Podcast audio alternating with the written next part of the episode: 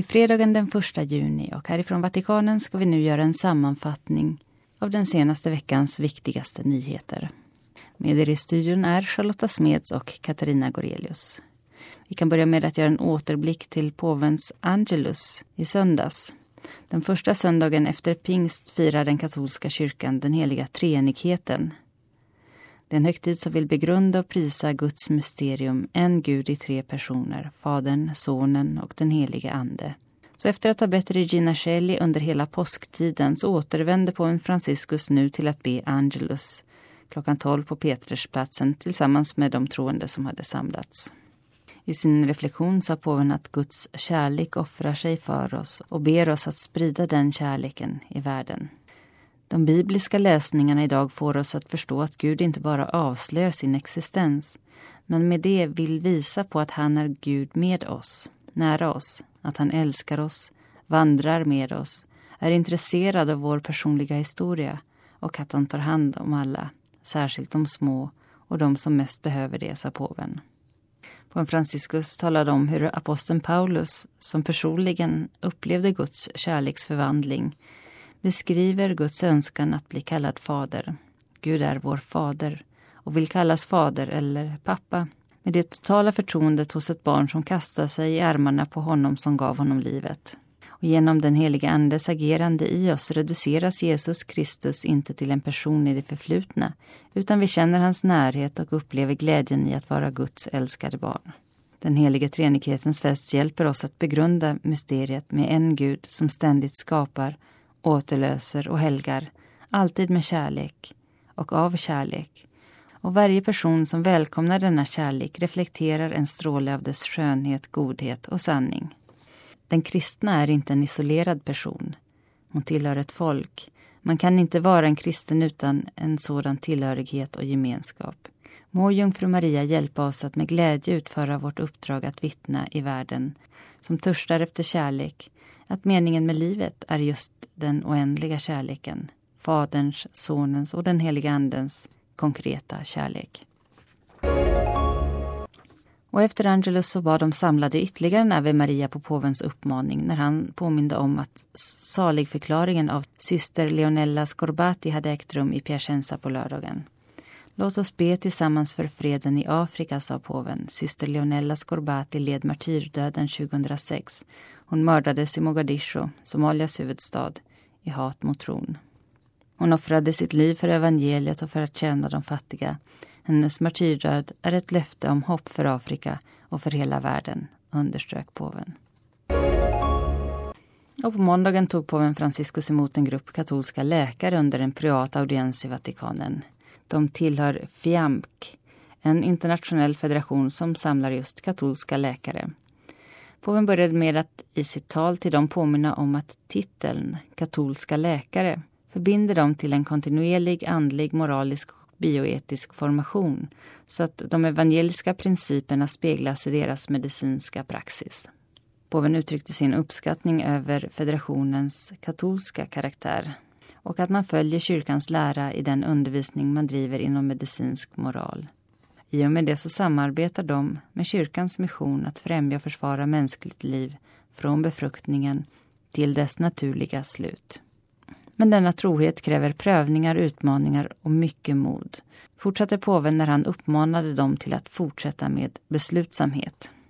För även inom medicin och hälsovård så har den teknokratiska tanken slagit rot med en vördnad för en obegränsad mänsklig makt och en praktisk relativism där allt blir irrelevant om det inte tjänar de omedelbara egenintressena. Så inför denna situation så är de katolska läkarna kallade att bekräfta patienten som en person. Patientens värdighet och oförytterliga rättigheter. Framförallt rätten till liv. Man måste motarbeta tendensen att reducera patienten till en maskin som måste repareras utan respekt för moraliska principer och utan att dra sig för att utnyttja de svagaste och sortera bort de som inte matchar med effektivitetens och vinningens ideologi. Så påven uppmanade de katolska läkarna därför till att inte dra sig för att uttala sig nationellt och internationellt även i legislativa diskussioner om känsliga etiska frågor, som försvaret av livet och vårdpersonalens för samvetsfrihet. Det är inte acceptabelt, sa påven, att er roll som läkare reduceras till att rätta er efter patientens vilja och sjukvårdssystemet där ni arbetar. Och nu ska vi se tillbaks till en av påven Franciscus predikningar i Sankta Martas kapell i Vatikanen denna vecka. Förra fredagen talade påven Förra fredagen talade påven Franciscus om äktenskapets skönhet under sin predikan i mässan i Sankta Martas kapell på morgonen. Läsningen ur Markus evangeliet berättade om fariseernas avsikt att sätta Jesus på prov genom att ställa en fråga till honom som påven kallade kasuistisk, där tron reduceras till får man eller får man inte göra det? Guds storhet reduceras av den här typen av personer till det som är förbjudet och till det som är tillåtet i det kristna livet. Frågan handlar alltså om äktenskapet. De vill veta om det är lagligt eller inte för en man att skilja sig från sin fru. Men sa påven Jesus svar går bortom frågan och han talar om äktenskapet som kanske det vackraste Gud har skapat under skapelsens sju dagar. Herren talar om ett kött som inte kan delas. Jesus lämnar separationsproblemet och går till skönheten i äktenskapets enhet. Vi får inte göra som fariséerna, sa påven, och fokusera på det man får och inte får göra i äktenskapet. Ibland fungerar inte äktenskapet och det är en katastrof och då är det bättre att separera för att undvika ett världskrig. Men det är en stor sorg. Men låt oss istället se på det positiva.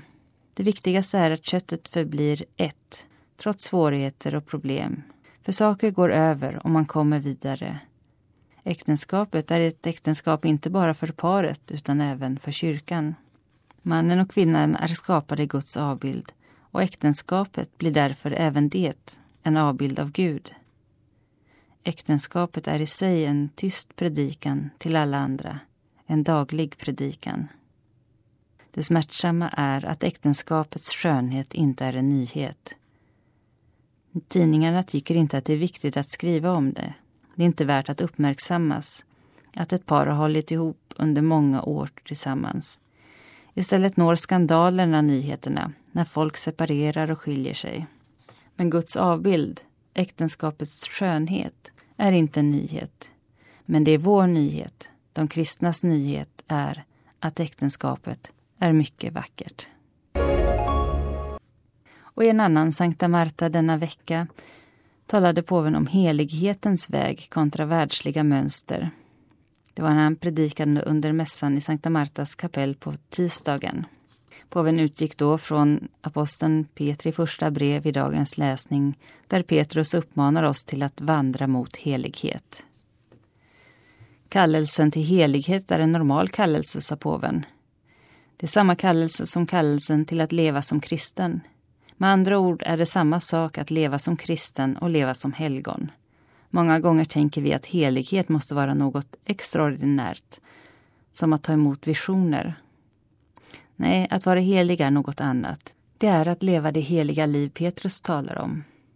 Att leva ett heligt liv, att vandra mot helighet, består i att vandra mot nåden som kommer oss till mötes, att vandra mot hoppet i mötet med Kristus. Det är som när du går mot ljuset. Många gånger ser du inte vägen så bra för ljuset bländar oss. Men vi går inte fel för vi ser ljuset och vi vet vägen. Å andra sidan när du går med ljuset bakom dig kan du tydligt se vägen men det finns en skugga framför oss, inte ljus. Och för att vandra mot heligheten så är det nödvändigt att vara fri, undersök påven, och känna sig fri. Han varnade för att det finns mycket som gör oss till slavar. Det är av denna anledning som Petrus uppmanar oss till att inte styras av de begär som behärskade oss medan vi ännu var okunniga. Inte rätta sig efter världens mönster, inte välja världsliga tankemönster, inte döma enligt världsliga ramar, för det berövar oss på vår frihet. För att vandra mot heligheten måste vi vara fria. Fria att se ljuset och att vandra framåt. Om vi återvänder till att låta oss styras av de begär som behärskade oss medan vi ännu var okunniga, det sätt vi levde på före vi mötte Jesus Kristus, eller om vi återvänder till världens mönster, så förlorar vi vår frihet. I prövningens stund frestas vi alltid att se tillbaka, att vända om, att lockas av världsliga mönster, de vi levde enligt innan vår frälsningshistoria började, utan frihet. Men utan frihet kan man inte vara helig. Frihet är förutsättningen för att kunna vandra och se framåt. Gå inte i världslighetens mönster. Gå framåt och titta på det ljus som är ett hoppfullt löfte. Det sa påven Franciscus under sin predikan i Sankta Martas kapell på tisdagen. Och maj månad är nu slut. Maj månad som är tillägnad Jungfru Maria. Liksom varje år höll man i Vatikanen en fackelprocession från Sankt Stefans kyrka upp på kullen där en kopia av Jungfru Marias grotta i Lourdes är byggd. Odla er hängivenhet till Jungfru Maria genom att be rosenkransen varje dag så att ni likt Guds moder tar emot Kristi mysterier i era liv. På så vis blir ni till en kärleksfull gåva till alla.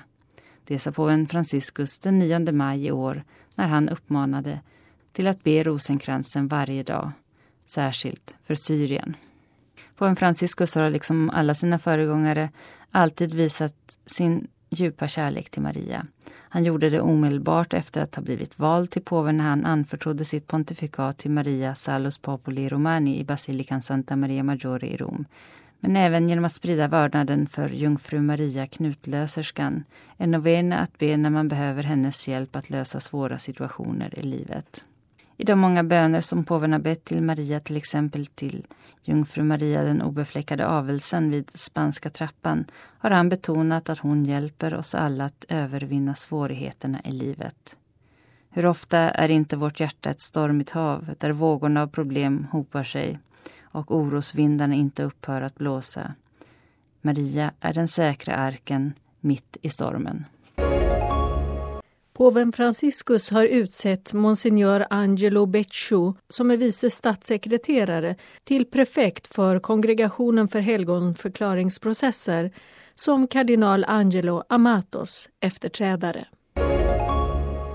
Påven Franciscus gjorde ett överraskningsbesök i en skola som ett led i sina barmhärtighetsfredagar Skolans 200 elever hade samlats med sina föräldrar för att presentera ett arbete som de hade gjort under fem månaders tid och de trodde inte sina ögon när de såg påven komma på besök. Det här är en skola i Roms periferi som är barnens enda referenspunkt. Påven hälsade på lärare, föräldrar och barn.